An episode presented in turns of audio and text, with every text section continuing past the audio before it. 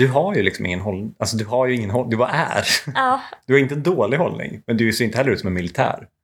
det är bara en kropp utan egen agenda. Har du äntligen uppnått det Yvonne Hirdman pratade om? Att eh, kvinnan ska frigöra sig från kroppen.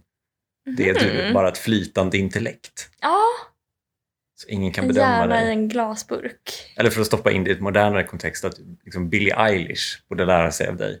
Du bara dyker upp. Här kommer tankarna, idéerna, drömmarna, Ellen Theander. Här kommer alla tankarna på en och samma gång.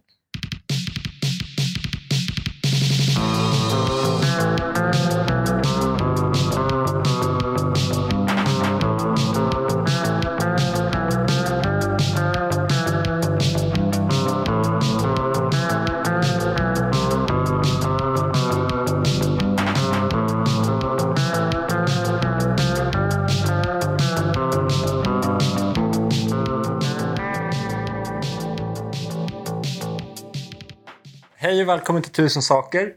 Podden där eh, jag, Kim Johansson och Ellen Theander för första gången är i samma rum. Ja, eh, vi har under tre års tid skrivit en lista på saker vi vill prata om men inte har kunnat när vi kom på det eller bedömt det nödvändigt. Och nu betar vi sakta men säkert av den här listan tillsammans med den underbara producenten Sally Eriksson. Och idag är det som Ellen så festfullt upplyste er om den första gången vi är i samma rum för inspelningen. Därav den lite annorlunda ljudkvaliteten. Vart befinner vi oss, Ellen? Ja, men vi är hemma hos mig. Vi, är, så vi, är alltså, vi trängs ihop oss här i din, i din våning på Mm. Kungsholmen. Mm. Vi får se om det ger mig samma inspiration till, eh, till liksom god vänsterkritik som jag får i min bostadsrätt i arbetarstadsdelen Tunabackar. Ja. Nu sitter jag här bland all konst som din ett har köpt på sig genom åren. Precis. Och det är alltid bara en väldigt kort handrörelse bort liksom, att ta fram utvecklingens politiska ekonomi och eh, eh, de la grammatologi. Du bad ju mig flytta på boken Kärlekens samtal av Roland, Bar- Ba- Bartz. Roland Bartz Mm. för att jag inte fick ställa min kaffekopp på den. Ja. Eh, du beskrev ju mig tidigare som personligheten ringar på bordsytor. Ja, men du har så mycket fina trämöbler, men jag ser inga dryckesunderlägg. Nej, Medan mitt hus är billiga trämöbler med bara dryckesunderlägg. mm. det som skiljer oss psykopater från er neurotiker. Däremot får man inte ställa en kaffekopp på Kärlekens samtal av Roland Bartz. Varför? Nej, men bara värdesätter den mer än mina teakmöbler. Har vi hittat din första materialistiska sida? Eh, jag är ju, eh, inte för att märka ord, men jag är ju materialist.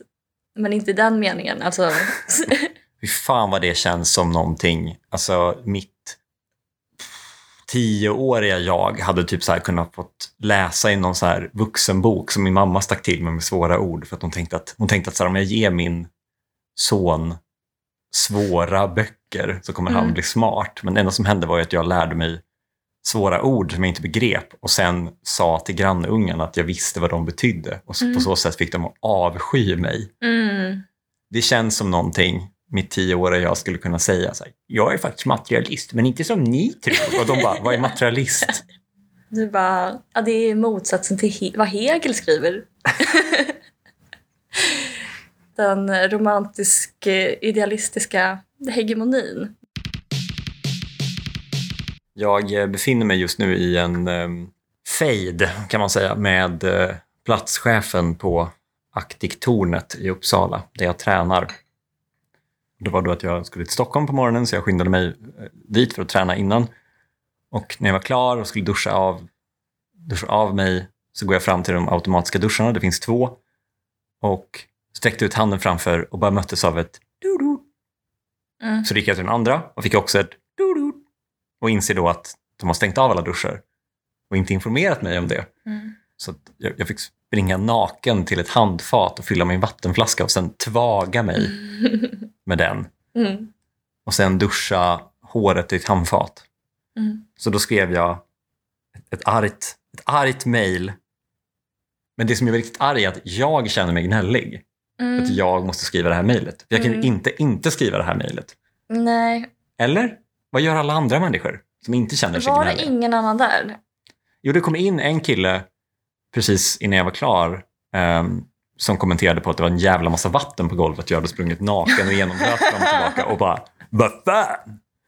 Ehm, och då funderade jag på om jag skulle informera honom innan han började träna att duscharna var trasiga. Men eftersom han sa vad fan till mig Ja. så gjorde jag inte det. Nej, Ehm, så jag var både småaktig och ja, gnällig. det och är jag, otroligt otrevlig faktiskt. men jag tycker inte om det som på Aktiktornet gör med mig.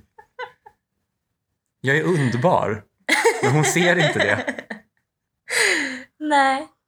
Ja, Det är eh, precis, det kan komma, bara komma fram under perfekta förutsättningar.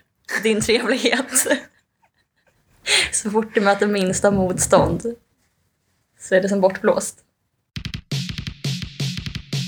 Apropå eh, att du var otrevlig typ, så var det så kul när du kom hit och jag insåg att jag har liksom välkomnat en konsult in i mitt hem. Och du skulle återge så din jobbdag. Och jag, bara, och jag bad dig berätta om något möte som du hade haft. Ja. Och då bara slår det om till alltså, att du börjar prata konsultska. Som en, en, liksom en, he, en alltså det var så Dr Jekyll, Mr Hyde moment. Men Är det motsvarigheten när du pratar böcker? Jag liksom måste bita mig i läppen för att inte häva ur med något liksom urbota dumt som ge Nobelpriset till Astrid Lindgren postumt. Ja, men det är, men det är inte att du, att du liksom känner att eh, mobbar eh, liksom, ådran i pannan börjar bulta. Men- Att du liksom vill eh, trycka ner mitt huvud i toalettstolen. Nej, absolut nej. Gud, jag, nå- något sånt. Alltså jag tror att jag pratar som om jag hade en sån, men jag saknar den ju fullständigt. Liksom. Eh, men det är väl någon slags medvetenhet om att mitt, mitt inre jag alltid bär flaskbottnar. Bär flaskbottnar. Alltså tjocka glasögon. Jaha, ja ja. ja. Du bara kan inte ens relatera. Du är så cool. ja. Men det är ju lite som att, alltså så här, det är ju lite som när du pratar bokiska så är det lite som om det kommer fram en stor biffig kille och liksom hotar mig på stan och då vill jag ju slå tillbaka. Men jag vet att det inte är ett trovärdigt alternativ. Det Nej. trovärdiga med min uppbyggnad är att lägga benen på ryggen. Ja. Jaha, det är det du agerar efter då? In, du, du liksom ledsagas mer av vad seriefiguren Kim hade gjort i den situationen? Jag försöker väl vara en eh, komplett människa, tror jag. Mm. Någonting jag funderat mycket på och försöka ha, att vara konsekvent. Eh, sen Aftonbladet eh, kultur, vad kan han vara, krönikör, Kristoffer Andersson kom fram till mig på en fest och sa att jag var en okonsekvent person. Att jag verkade Oj. inkomplett. Nej, Sen gick han. va? Varför sa han så? Jag vet inte. Men nu försöker jag bete mig komplett. Oj, grovt. Det är grovt. Men det är ju i- ibland så... Men sjukt att han lyckades, att han liksom nästlade sig in bara så förgiftade din hjärna. Att det är lite så, och helt någon som, korrumperade din själ. lite som någon som hugger en heroinspruta i någon på tunnelbanan som du pratade om för många år sedan. För att liksom, nu ska du också bli med i gemenskapen heroinist. Men jag tycker att det är hedersamt att vara inkonsekvent. Eller det är ju det, det tänker jag är snarare förknippat med att vara en hel människa eller att så här, man är sammansatt liksom. Å ena sidan så är det så här, så har du en jättehärlig relation med där ni har sån kärvänlig ton typ. Och, och å andra sidan så kan du ryta till när det, är, när det inte finns något vatten i, I duschen. Och det är så en, en hel människa är ju. Att vara inko- inkonsekvent kan väl betyda att man anpassar sig en situation och därför då anpassar sig efter andra människor. Mm. Typ. Mhm. Pratar begripligt eller ställer frågor eller lyssnar. Aha, nu fattar jag. Men han menade att du var en falsk fitta. Jag tror det. Okej. Roligt. Men eftersom han är Aftonbladet kulturkrönikör så Så uttryckte han sig mer på det här bokiska sättet. bokiska. Känner du till sängklädesmärket Juniper? Nej. Eh, Du har alltså aldrig fått upp reklam för Juniper. Det är en, alltså en, en em, kvinna med brunt hår, svart tröja som sitter på en säng och ler. Mhm. Ehm, och så står det Hej, jag heter Matilda. Våren 2018 var bland de stressigaste perioderna jag varit igenom. Vi fick vår lilla dotter i januari, min man jobbade otroligt mycket och vi planerade för vårt bröllop i juni. Min och familjens sömn blev minst sagt lidande. Efter bröllopet åkte vi några nätter till ett fint hotell i bergen på Mallorca. Det var mysigt och kändes otroligt lyxigt att få slappna av efter våren vi hade bakom oss. Självklart berodde mycket på omständigheterna, men när vi vaknade på morgnarna kände vi oss så otroligt utvilade och hela familjen, till och med vår lilla sex månader gamla dotter, stjärn-emoji, var överens om att sängkläderna var helt fantastiska. Vi bestämde oss för att köpa hem likadana. Men när jag ville köpa hem dem visade det sig att de var jättedyra. Så jag har designat och tillverkat sängkläder i världens finaste kvalitet med både människor och miljö i åtanke. Men genom att endast sälja genom vår egen hemsida kan vi hålla nere priserna. Så längtar du efter den där härliga hotellkänslan hemma så är det här verkligen något för dig. Ehm, du är alltså inte förföljd av den här? Nej, jag undrar vad det säger om dig. Är det den här konsult eh, Kim som får reklam för det här? Nej, men jag, jag, jag vet inte, för jag får liksom upp de här överallt. Ehm, jag var tvungen att kolla upp dem då. Eh, De dyker även upp när man googlar på sängkläder. Då kommer man in till en bild och så står det känslan av att vakna på ditt favorithotell och innan man hinner göra någonting så bryts hela hemsidan med bild på hon Matilda och så står det “Får jag mejla dig?” Jag skickar ut e-mail ibland med erbjudanden eller tankar om hur man förbättrar sitt liv eller sin sömn. Oj! Skriv din mail, nedan så hör jag av mig. Din mail kan till exempel vara sov gott.se. Va? Vad är det här? Det här är liksom vad som händer när, när man låter reklamfolk göra allt. Mm. Typ. Mhm. Nej, men det, det är liksom skitsnygg logga, en jättefin eh, reklamfilm liksom, med närbilder på folk som sover jättegott och, och i en säng. De är i och för sig vakna hela tiden. Ja, men de är i sängen. Typ. Ligger sömnlösa. Ja, Men det är bara kommunikation. Precis, det är liksom kommunikationssamhället som vi pratade om i en tidigare podd. Eh, till exempel under den här gröna bilden då. Nu blir det här bara en uppläsning av Junipers hemsida. Jag hoppas ni är med på det. Annars kan ni spola fram ungefär 10 minuter för riktigt content. Eh, sen är det då en bild på sängkläder slängda på en äng. Ja. Och så står det “Dela dina bästa morgonstunder med oss på Juniper of Sweden”. Och sen är det bilder på folk som pussas och kramas i de här sängkläderna. Äckligt. Juniper är en Stockholmsbaserad startup som säljer lyxsängkläder på ett helt nytt sätt. Vi har tagit fram sängkläder av den absolut högsta kvalitet du kan tänka dig. Jag vill stanna här bara och, och liksom säga någonting om sängkläder av den absolut högsta kvalitet du kan tänka dig. Det, men det kan ju inte vara sant. Det är inga förbehåll. Det är den bästa kvaliteten du kan tänka dig. Mm. Och då är det tråkigt att det bara är bomull med väldigt hög thread count. Att det inte är liksom så sängkläder gjorda av pengar. ja. Av linne med en liten fläkt som justerar temperatur. Jo, Kashmir. Om man läser vidare sen så är det ju alla våra produkter designade i Stockholm men skapade i Israel av ett team med en kombinerad erfarenhet inom textilindustrin på över 100 år. Och då är det de har 100 anställda som jobbar där ett år var. Eh, bomullen vi använder kallas för Supima och anses av många att vara den absolut finaste bomullen i världen. Den produceras framförallt i Kalifornien. Alltså den produceras framförallt i Kalifornien, alltså bomullen Supina. Inte den bomullen de använder. Utan det, ehm, produceras framförallt i Kalifornien och är den mest högteknologiska bomullsodlingen som existerar någonstans. är det wifi på varje pl- planta? Det medför både att den är bättre för miljön och människorna som arbetar med den. Innan produkterna kommer hem till dig packas de ner i våra speciellt framtagna förpackningar som tar de positiva delarna av upplevelsen med den fysiska butiken till ditt hem. Och sen är det än en gång en text om eh, bröllopsresan. Efter vårt bröllop så bodde jag, min man Jakob och vår lilla dotter på ett boutiquehotell uppe i bergen på Mallorca. Notera att det är ett boutiquehotell. De har liksom inte bara åkt till Mallis som jävla bönder. Ingen resort. Det var en av de bästa upplevelserna vi någonsin upplevt. Servicen var otroligt vänlig. Maten var fantastisk. Nej, men, Trädgården var så väl omhändertagen och fylld med enar och palmer om vartannat. Och kanske viktigast av allt, hela familjen sov som bebisar medan vi återhämtade oss från en intensiv vår med hårt jobb, ett bröllop och adderande av en ny familjemedlem. När vi vaknade på morgnarna kände jag mig otroligt avslappnad och utvilad på ett sätt jag inte hade på länge. Och hur var det möjligt?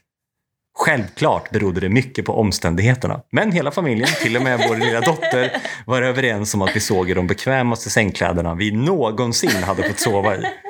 Så när vi checkade ut från hotellet tog vi oss till Palma för att undersöka om vi kunde köpa liknande hem till oss själva. Det visade sig att de skulle kosta en mindre för förmögenhet och dessutom så fanns inte påslakanet i svensk storlek.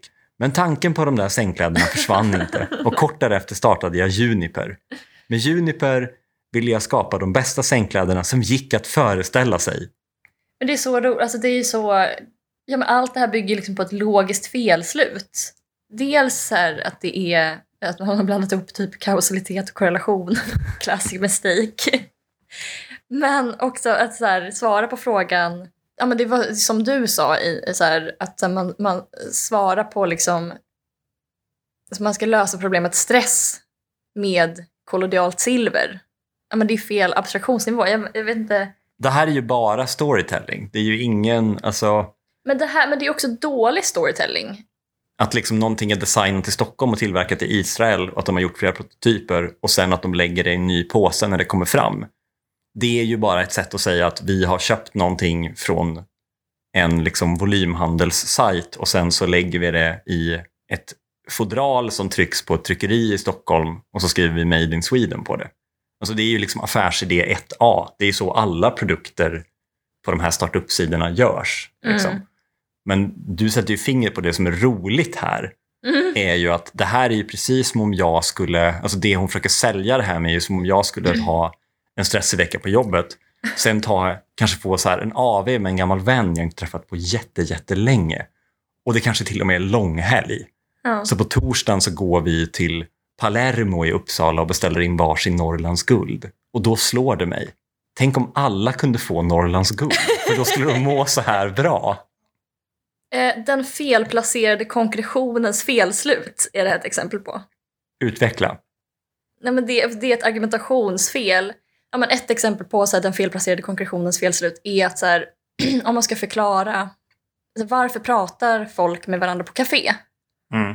Då kan man förklara det genom att säga att ehm, ja, men det är för att människor har eh, utvecklat talorgan som är utformade på si och så sätt och vi utstöter liksom ljud genom det här talorganet som formar så här vibrationer som så här bla bla bla. Men det är inte kanske svar, alltså det är liksom om man ska börja besvara frågan på liksom ett relevant sätt så måste man ja, men beskriva så här, den sociala händelsen. Så här, vad, vad är det folk vill åstadkomma genom att prata med varandra? Varför händer det i så här, en kafémiljö? Eh, vad är det i kafémiljön som skapar den här eh, situationen? Och så här, varför pratar människor med varandra? Ja. De, de tar ner det till en fysisk nivå istället. Så att det, det, det, det är på en för låg nivå. Man, man ser sambandet mellan... Det måste vara för att de här sängkläderna är så mjuka och sköna som jag sover gott. Men Mm. man missar den liksom abstrakta eller känslomässiga nivån. Jag har semester. Ja, precis. Ja. Typ.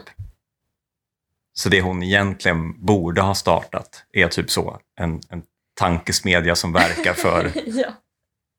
Men ett fackförbund i vanlig ordning.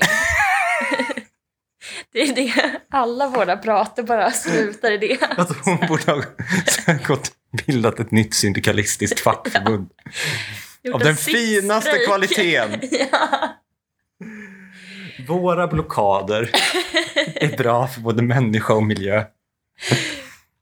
Och även du har råd med medlemsavgiften.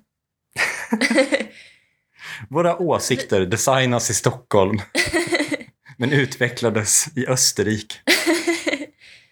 Med den sammanlagda erfarenheten av hundra år av strejk så har vi nu kunnat utveckla den högsta kvaliteten på strejker.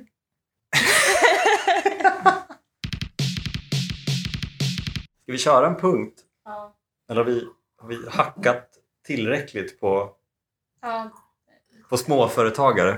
Jag, jag, alltså min, det roliga i den här pratan egentligen, nu hittade du, hittade du något roligt här, men det roliga i den här pratan jag tyckte var, förutom den här berättelsen, var ju att de har gjort om hemsidan som jag var inne första gången, för då benämndes hon som Foundie. Och då var liksom kärnan bakom att så här, det här är ett, ett kvinnolett bolag. Mm. Och att så här, lyssna på våran Foundie istället för Founder. Mm. Liksom. Vi, vi vill liksom inte att kvinnor ska vara VD, vi vill att kvinnor ska vara tjej-VD. ja men exakt. Ja men det är det jag ty- tycker liksom är uh, unket. Eller så här, det, att man, alltså när man, om man säger så här konstnärinna Mm. eller liksom uh, Tjänstekvinna. tjänstekvinna. Ja. I min värld är inte det progressivt. Nej. Jag har eh, liksom en eh, klasskompis nu som eh, alla hans här, inlägg på alla seminarier har på riktigt varit så här. Det man måste tänka på är att alla böcker som vi har läst till det här seminariet är skrivna av män. Men jag bara undrar så här, men vad är det man anser är, alltså så här, det är så särarts liksom feministiskt för att menar han då att så här, om hela litteraturhistorien, hela filosofi, idéhistorien hade varit befolkad av kvinnor istället, då hade vi kommit fram till helt andra saker. Mm. För att det är någonting essentiellt i kvinnor så här, och män som gör att så här, våra idéer är helt vitt skilda. Våra, vi hade inte kunnat skriva samma böcker. Vi hade inte kunnat komma på samma idéer. Så att vi hade levt i liksom ett helt annat samhälle om det inte vore för att kvinnor varit utestängda från eh, liksom det intellektuella samtalet. Typ. För att svara på din fråga, ja.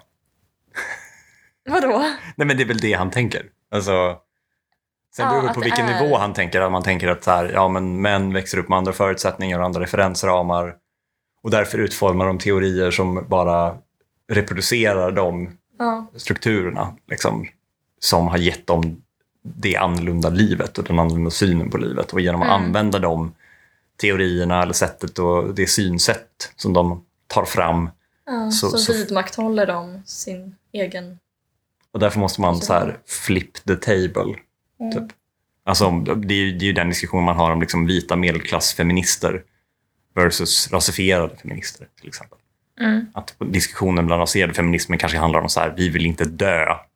Och vita medelklassfeminister kan ha diskussionen om vi vill att fler kvinnliga regissörer ska få en Guldbagge. Mm. Ja, men alltså, ja precis. På något sätt är väl det så relevant att, eller att så här, föremålet för intresse Mm. är beroende på så här, vem som har mikrofonen, typ, eller så här, vem som har för tillfället liksom formulerar så här, vad vetenskapens problem är, vad, vad så olika, ja, vad vi ska ägna oss åt. Och, och om det är formulerat av en person som lever i liksom en i en specifik erfarenhet i liksom, un- under vissa förutsättningar så kommer det vara föremål för intresse Mm. snarare än så här, logikens mest grundläggande axiom. Eller så här. Men jag bara, det jag vägrar köpa är att så här, alla ska vara fastlåsta i sin erfarenhet och rapportera utifrån den. Inte blir som könskorrespondenter. Ja, exakt. Handelsresande i Kön. sin ja, i kön. Tar du eh, aktivt en ett, eh, ställning mot tolkningsföreträde här och nu? Jo, men, alltså, men det gör jag väl också, men det har inte med det att göra. Ja, men jag förnekar inte att vi har olika erfarenheter nu. Men, men de erfarenheterna är ju liksom på grund av att vi är inlåsta, liksom placerade i olika typ självreproducerande så här, eh, ja, men i liksom ek- ett ekonomiskt system som gör att vi separeras liksom från varandra. Och då är det klart att man får specifika erfarenheter och det kan man ju rap- rapportera då inifrån. Liksom. Och då kanske det är mer, ens tolkning av den erfarenheten är mer relevant än någon annans tolkning alltså, som ska gissa så hur det är. Typ. Mm. Men eh, alltså, så här, om vi blir fria då kommer vi alla kunna skriva liksom, som Aristoteles. Liksom. Mm. det är inget så essentiellt manligt tänkande. Det är ju ett tänkande som vem som helst skulle kunna ha tillgång till som, som var fri. Typ. Mm. Tack för att ni kom till vårt seminarium i genusvetenskap A. Ja, gud. Punkt 76. Att ta sig runt i New York på EU-ljud. Sa jag det rätt? Positivt. EU-läte. Ja, men den här har jag skrivit när jag var i New York. Kan inte du säga New York med Bernie Sanders röst? Nej, jag tror inte det. No, no, vänta. Ah, jo. No, No. no York. New York. Jag och Linnea var i New York för några år sedan och eh, när vi är ute på utlandssemester så brukar det vara så att jag uppväxt i en liten by på landet och Linnea uppväxt i metropolen Uppsala och välberest.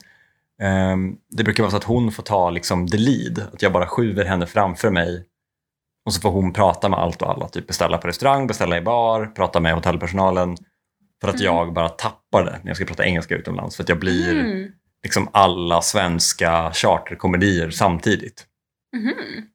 Kan du ge något exempel? Ja, men det, alltså jag kan liksom inte beställa på restauranger som inte är så mina kvarterskrogar Jaha. i Uppsala, utan jag blir verkligen så Hello!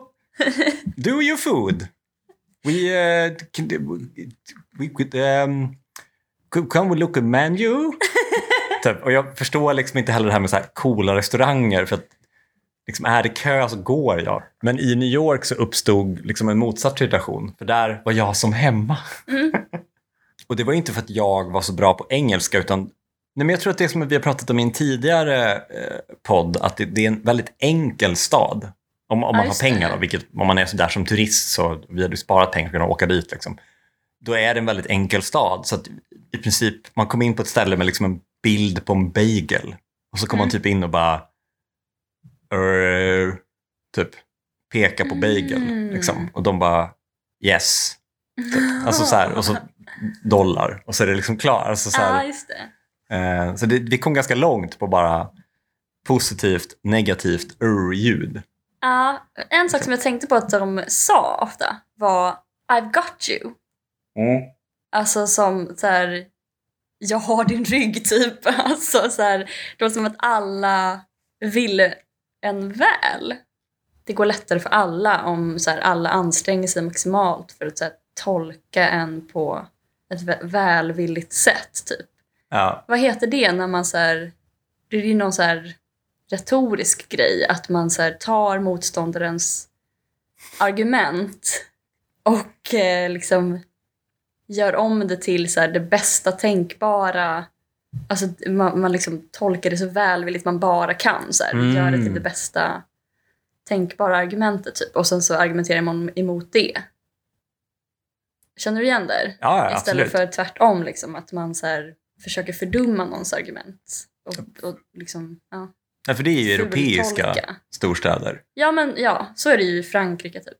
Jag tänker på så här östeuropeiska städer, man kommer in någonstans och bara "Ur." och de bara What do you want? Typ. Alltså det, Ja, det är liksom, men där var de verkligen så här, okej, han ser ut som att han vill ha en kaffe. Typ. Ja, ja men, jag, precis, men jag har till och med hört sen någon beskriva eh, alltså att, att vara typ i Serbien som bosnier. Ja, men det, är- det är liksom i princip samma språk ju. Men då är, så är det som att så här, alla serber bara, jag förstår inte vad du säger. Prata serbiska. Man bara, ja, jag trodde att det var det jag gjorde men Åh, som danskar i Sverige. som, ja, men precis. Det är, nej, men, eller tvärtom, tänker jag. Att så här, svenskar är ju otroligt mycket som mot danskar. Istället för att så här, spotta ut gröten, att svenska, svenskar säger spotta ut gröten till danskar så vill jag säga till alla svenskar spotta ut, eller vad heter det, topsa ut imperialistöronvaxet. alltså det är ju liksom en fråga om inställning, för det är ju samma språk. Alltså, Tala Shabos tunga. Men det är, jag tänker ju också att det är, alltså som vi pratade om i en tidigare podd, att det också är så här i ett land med total brist på säkerhetsnät så har du bara trevlighet att förlita dig på. Mm. Medan så här i socialist Sweden så är man bara så här försvinn, Ja. betala skatt för att slippa sådana som dig. Ja, ja, precis. Punkt 46. Hur man inte vill att något vackert ska hamna i Mälardalens våldsamma klor. Man vill ändå prata om det och på så sätt göra just det. Mhm. Um, det här har jag också skrivit Mm. och, och det är ju att jag tror det handlar om att man liksom vill lyfta och visa upp kulturyttringar som man upplever är eh, marginaliserade eller liksom förtryckta från där man kommer ifrån. Alltså I mitt fall skulle det vara till exempel epatraktorer, raggare, det, det enda jag kommer på nu. Men så här småstadsgrejer. mig, ja. Eh, och vill att de ska få den liksom, bekräftelsen och, om, och liksom kanske kap-. Ja, och på så vis också att det kanske ska kapitaliseras på dem. Alltså, Mhm. För det är väl det moderna sättet att liksom ge något ett erkännande. Men samtidigt är det ju mitt. Jag kanske vill hylla raggarna men jag orkar ju faktiskt inte göra det. Alltså, det Mm. det tyckte jag skulle, själv skulle köpa liksom en sänkt jänkare och dra runt i den för att hedra mitt arv. Liksom. Mm. Men jag vill inte att någon annan ska göra det. Ja, Men det här Ja. pratade du om i tidigare avsnitt. Visst gjorde jag det? Men det är också, alltså det är ju, är ju, angra, det är ju också det här med liksom särarter. Alltså att man, om man utgår från att det är vår särart att köra epa liksom på landet. Mm. Då kan det bli relevant att så här, försöka uppvärdera det på något sätt.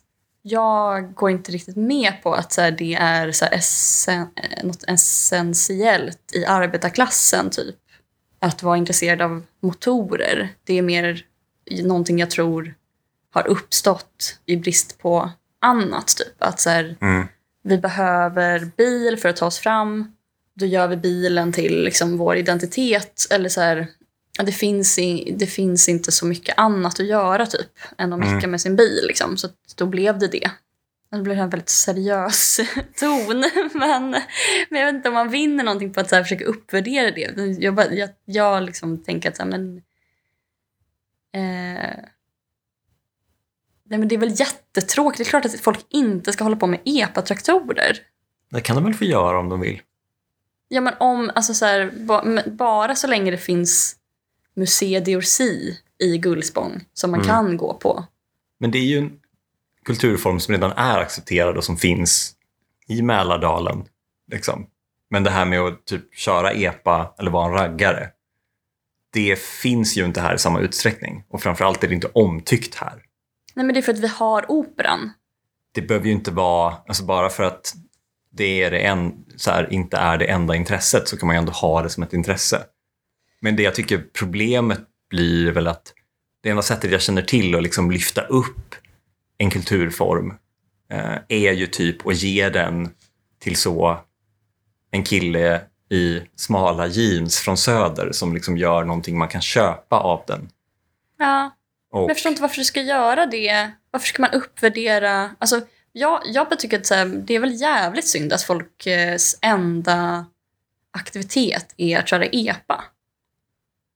men är det här, är det här, återknyter det här till vår förra podd eller förrförra podd, eller de senaste tre poddarna. Du har pratat om att så här, det, det, är, eh, liksom, det är inte så nice att vara rik, eh, diskussionen.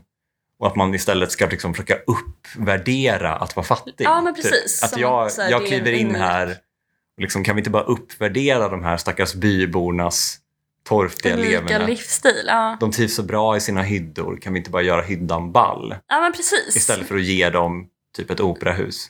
Ja. ja men exakt så. så, om, så om folk har ett operahus och ändå väljer att mecka med sin epa, då kan man börja snacka om att så här, i så fall kanske det är en unik kultur då. Ja. Om de, men de har ju inte det alternativet. Du menar att det inte är en det högkultur? Bi- Det är så här Mad Max-samhälle. Ja, nej, ja, men alltså, nej, men ja, så det menar jag. här, man kan inte kalla någonting för en kultur om det är så här, du har inte ens haft ett alternativ.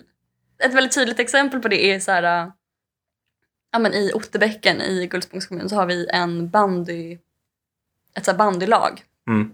Och liksom en isrink, eller vad heter det? Mm. Och ja, vad händer då? Ja, folk börjar självklart spela jättemycket bandy. Och så här, vi har massa bra bandyspelare. Och Ja. likadant i Hova, det kommer massa bra fotbollsspelare från Hova. För att det enda som fanns i Hova var en fotbollsplan i princip. Ja. Och det väl klart att eh, den eh, unika inom citationstecken kulturen uppstår då att så här, alla blir svinbra på fotboll, alla blir svinbra på bandy. Men prova att eh, bygga ett samhälle där folk kan välja mellan olika saker. så, då, då, får kommer du, det... Ja. då får du ju inga som blir svinbra utan alla bara blir så här helt okej. I på massa sig. olika ja, saker. I. Ja. Är Stockholm, är Stockholm ett landskap? Ett landskap? är Stockholm ett område av medelmåttor? För det finns för många alternativ. ja, just det. Så att alla... bara. Ni har egentligen så den, Sveriges nästa rallyförare Kenny Bräck. Men eftersom ingen kör rally här så Mm. kommer vi aldrig, den personen kommer aldrig få utvecklas. Nej, precis. Ja, det är Nej. verkligen sant. Vi kanske kunde vända på det och bara välja ut kommuner slumpmässigt så att så här Säffle får, eller Säffle har i och för sig en opera, men, men Säffle skulle kunna få så här eh, ett ehm, bara vara en enda stor simhall så att det enda man kan göra där är att simma. Ja, Så bara på ren sån tusen apor-logik så kommer någon förr eller senare bli nästa Sara. Sjöström. ja men, Så tar man bort allt annat, Ja, men så det enda man kan göra. vi borde göra det fast nationellt. Att så här, ett år så har vi bara simhallar. Och nästa år så har vi bara eh, motocrossbanor. Och sen, för då, liksom, då kommer det utkristallisera sig. Då kommer vi få liksom, den som är bäst i Sverige på motocross. Men skulle det inte kunna vara så att man bara hade, alltså vi har ändå 290 kommuner och det lär ju finnas 290 hobbys max. så vi bara väljer en hobby för varje stad. Ja, men då får vi inte det här eh, liksom, riks... Alltså, då kan men så här, ju, men jo, tänk om den vi, som är bäst på motocross råkar bo i liksom, Mora. då kanske de kan gå till alltså någon sån liksom, utsorteringsstation med massa broschyrer. Ja. Här, vill du hålla på med keramik, då får du flytta till Kil. ja, men det, vore, det vore underbart om alla invånare fick testa alla aktiviteter. Ja, Då skulle som, det bli den här det är liksom perfekt meritokrati. Att här, vi skulle få rätt person på rätt plats som alla liberaler drömmer om så mycket. Men då skulle det ju bara bli så, alltså någon skulle kritisera det för att det skulle liksom, vi skulle behöva byta varje år. Då kanske det skulle vara så att liksom vår nästa Strindberg föds så att liksom i, det, i den kommunen där han växer upp så är det inte litteraturdags. Mm. Nej. Det är inte litteraturdags i Sverige för någon 30 289 år för att det var litteraturdags året innan han föddes. Ja, just det. Ja, det är synd i och för sig. Så Ja. var två, var så här två, trehundrade år så får Sverige en bra författare. Men då är det den bästa författaren. Det är den bästa i författaren Sverige. i den generationen. Ja. ja. Det- Ja. Punkt 740. Jag är alltid glad på morgonen och sen blir jag gradvis ledsnare under dagen. Det är verkligen, alltså jag, jag, jag vaknar med ett skratt varje dag. Hoppar ut ur sängen. Eh, pigg som en lärka. Ännu en dag, ropar jag. jag undrar vad den här underbara dagen har i sitt sköte. God morgon solen. God morgon. Eh, hello world, this is me. Nej, men och sen så bara njuter jag otroligt mycket. Jag kanske tar en liten promenad, kanske med min hund. Ser en blomma i vägrenen. blir otroligt inspirerad och stärkt. och bara blir helt så här berörd och gråtmild av hur vackert livet är. Tänk att just lilla jag skulle få födas in i den här eh, otroliga världen. Men sen, ja, vid, vid 12 ungefär, mitt på dagen, då, då börjar det liksom faller en skugga i min, i min blick. Man kan börja se att eh, någonting liksom förändras, något fundamentalt inom mig.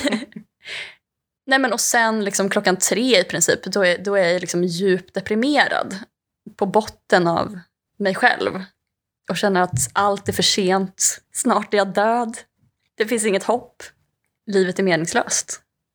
Ja, och så, så det är liksom, mitt liv är så indelat i eh, yin och yang och liksom den liksom dikotomin som är så här, eh, verkligen lycksalighet ena halvan av dagen och eh, en avgrund på andra sidan om Så det sker inte en gradvis försämring utan det är när klockan passerar 12. Nej, men, men snarare tre. Men det, men det är lite gradvis. Liksom, eh, klockan fyra ska vi inte snacka om. Då är då är, då är det liksom... Nej, men då är allt förlorat. Då är det ambulanspsyk direkt ja. Varje eftermiddag. i eftermiddag. Eh, och sen så bara vaknar jag upp där på psyket och de skriver ut mig direkt och bara varför är världens lyckligaste tjej inskriven på akut psyk? Eh, Vad, vad tror du det här beror på då? jag vet inte, men, ja, men det är väl bara någonting med... med ehm, det finns något uttryck på franska som är så här entretien et loup.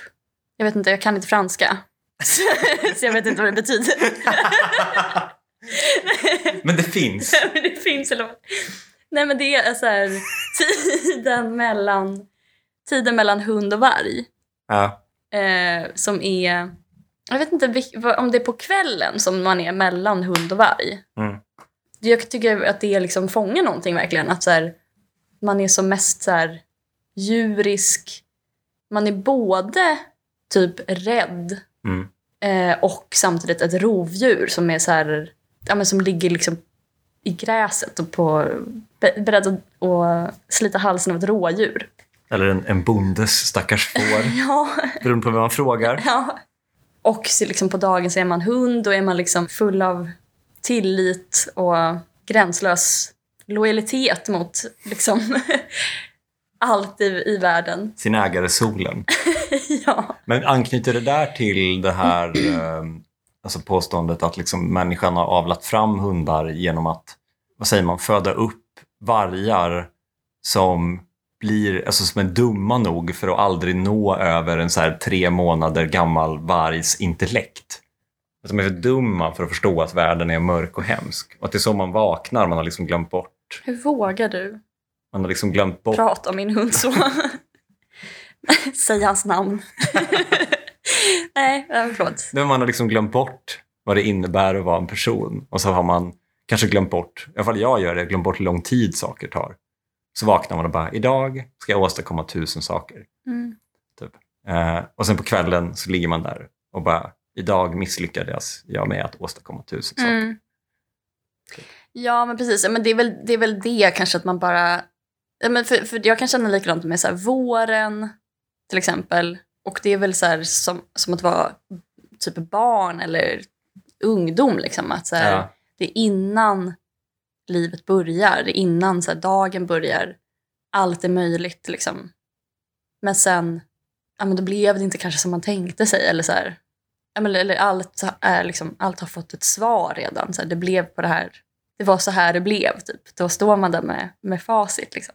Men det är som, jag vet inte vem som sa det, men, men det är som att det, sommaren finns inte. Det är bara våren kommer och då kommer en känsla av att snart börjar det. Mm. Och så pågår den tills man inser att det är höst och då känner Mm. man nu är det för sent. Ja, just det. Typ. Det är aldrig, man uppnår aldrig liksom Det nivån. pågår. Ja, exakt, det pågår. Nu händer Nu det. händer det. Utan det är bara snart händer det. Ja. Och Det hände jag missade aldrig. det. Jag missade det. Det är förbi. Ja. det.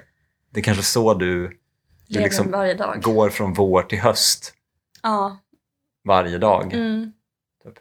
Men känner du igen det här? Ja, absolut. Nu har jag väl bättre dagar. Mm. Men jag kan fortfarande känna att om jag har haft en bra dag så måste jag upprepa det för mig själv och Linnea på kvällen. Mm. Så att så, om vi har haft en bra dag på kvällen så gör vi oss i ordning och kryper ner med varsin bok i sängen och så kanske jag lägger ner boken och vänder mig till Linnea och säger Idag hade vi kul. Alltså, Åh, ja, men du vet. gulligt! för att liksom påminna och så här banka in det faktum att så här, de Mm. sakerna vi åtog oss idag eller drömde om skulle hända idag. Mm. De hände. Vi Mm. var där. Vi var Mm. med om det. Mm. Dagen var inte bara ett snart händer det, nu är det för sent. Utan Nej. det var ett snart händer det, det händer. Mm. Vi var med om det. Ja. Är det carpe diem jag försöker säga? ja! Eh, tack för att ni lyssnade. Det här eh, är Tusen saker med Kim Johansson Ellen Theander. Producent är Sally Eriksson. Ansvarig utgivare är Ellen Theander. Tack Ellen för det. Vi kommer ut varje tisdag klockan sex på morgonen. Och eh, nu ska vi live lägga vår hejdå-stämma.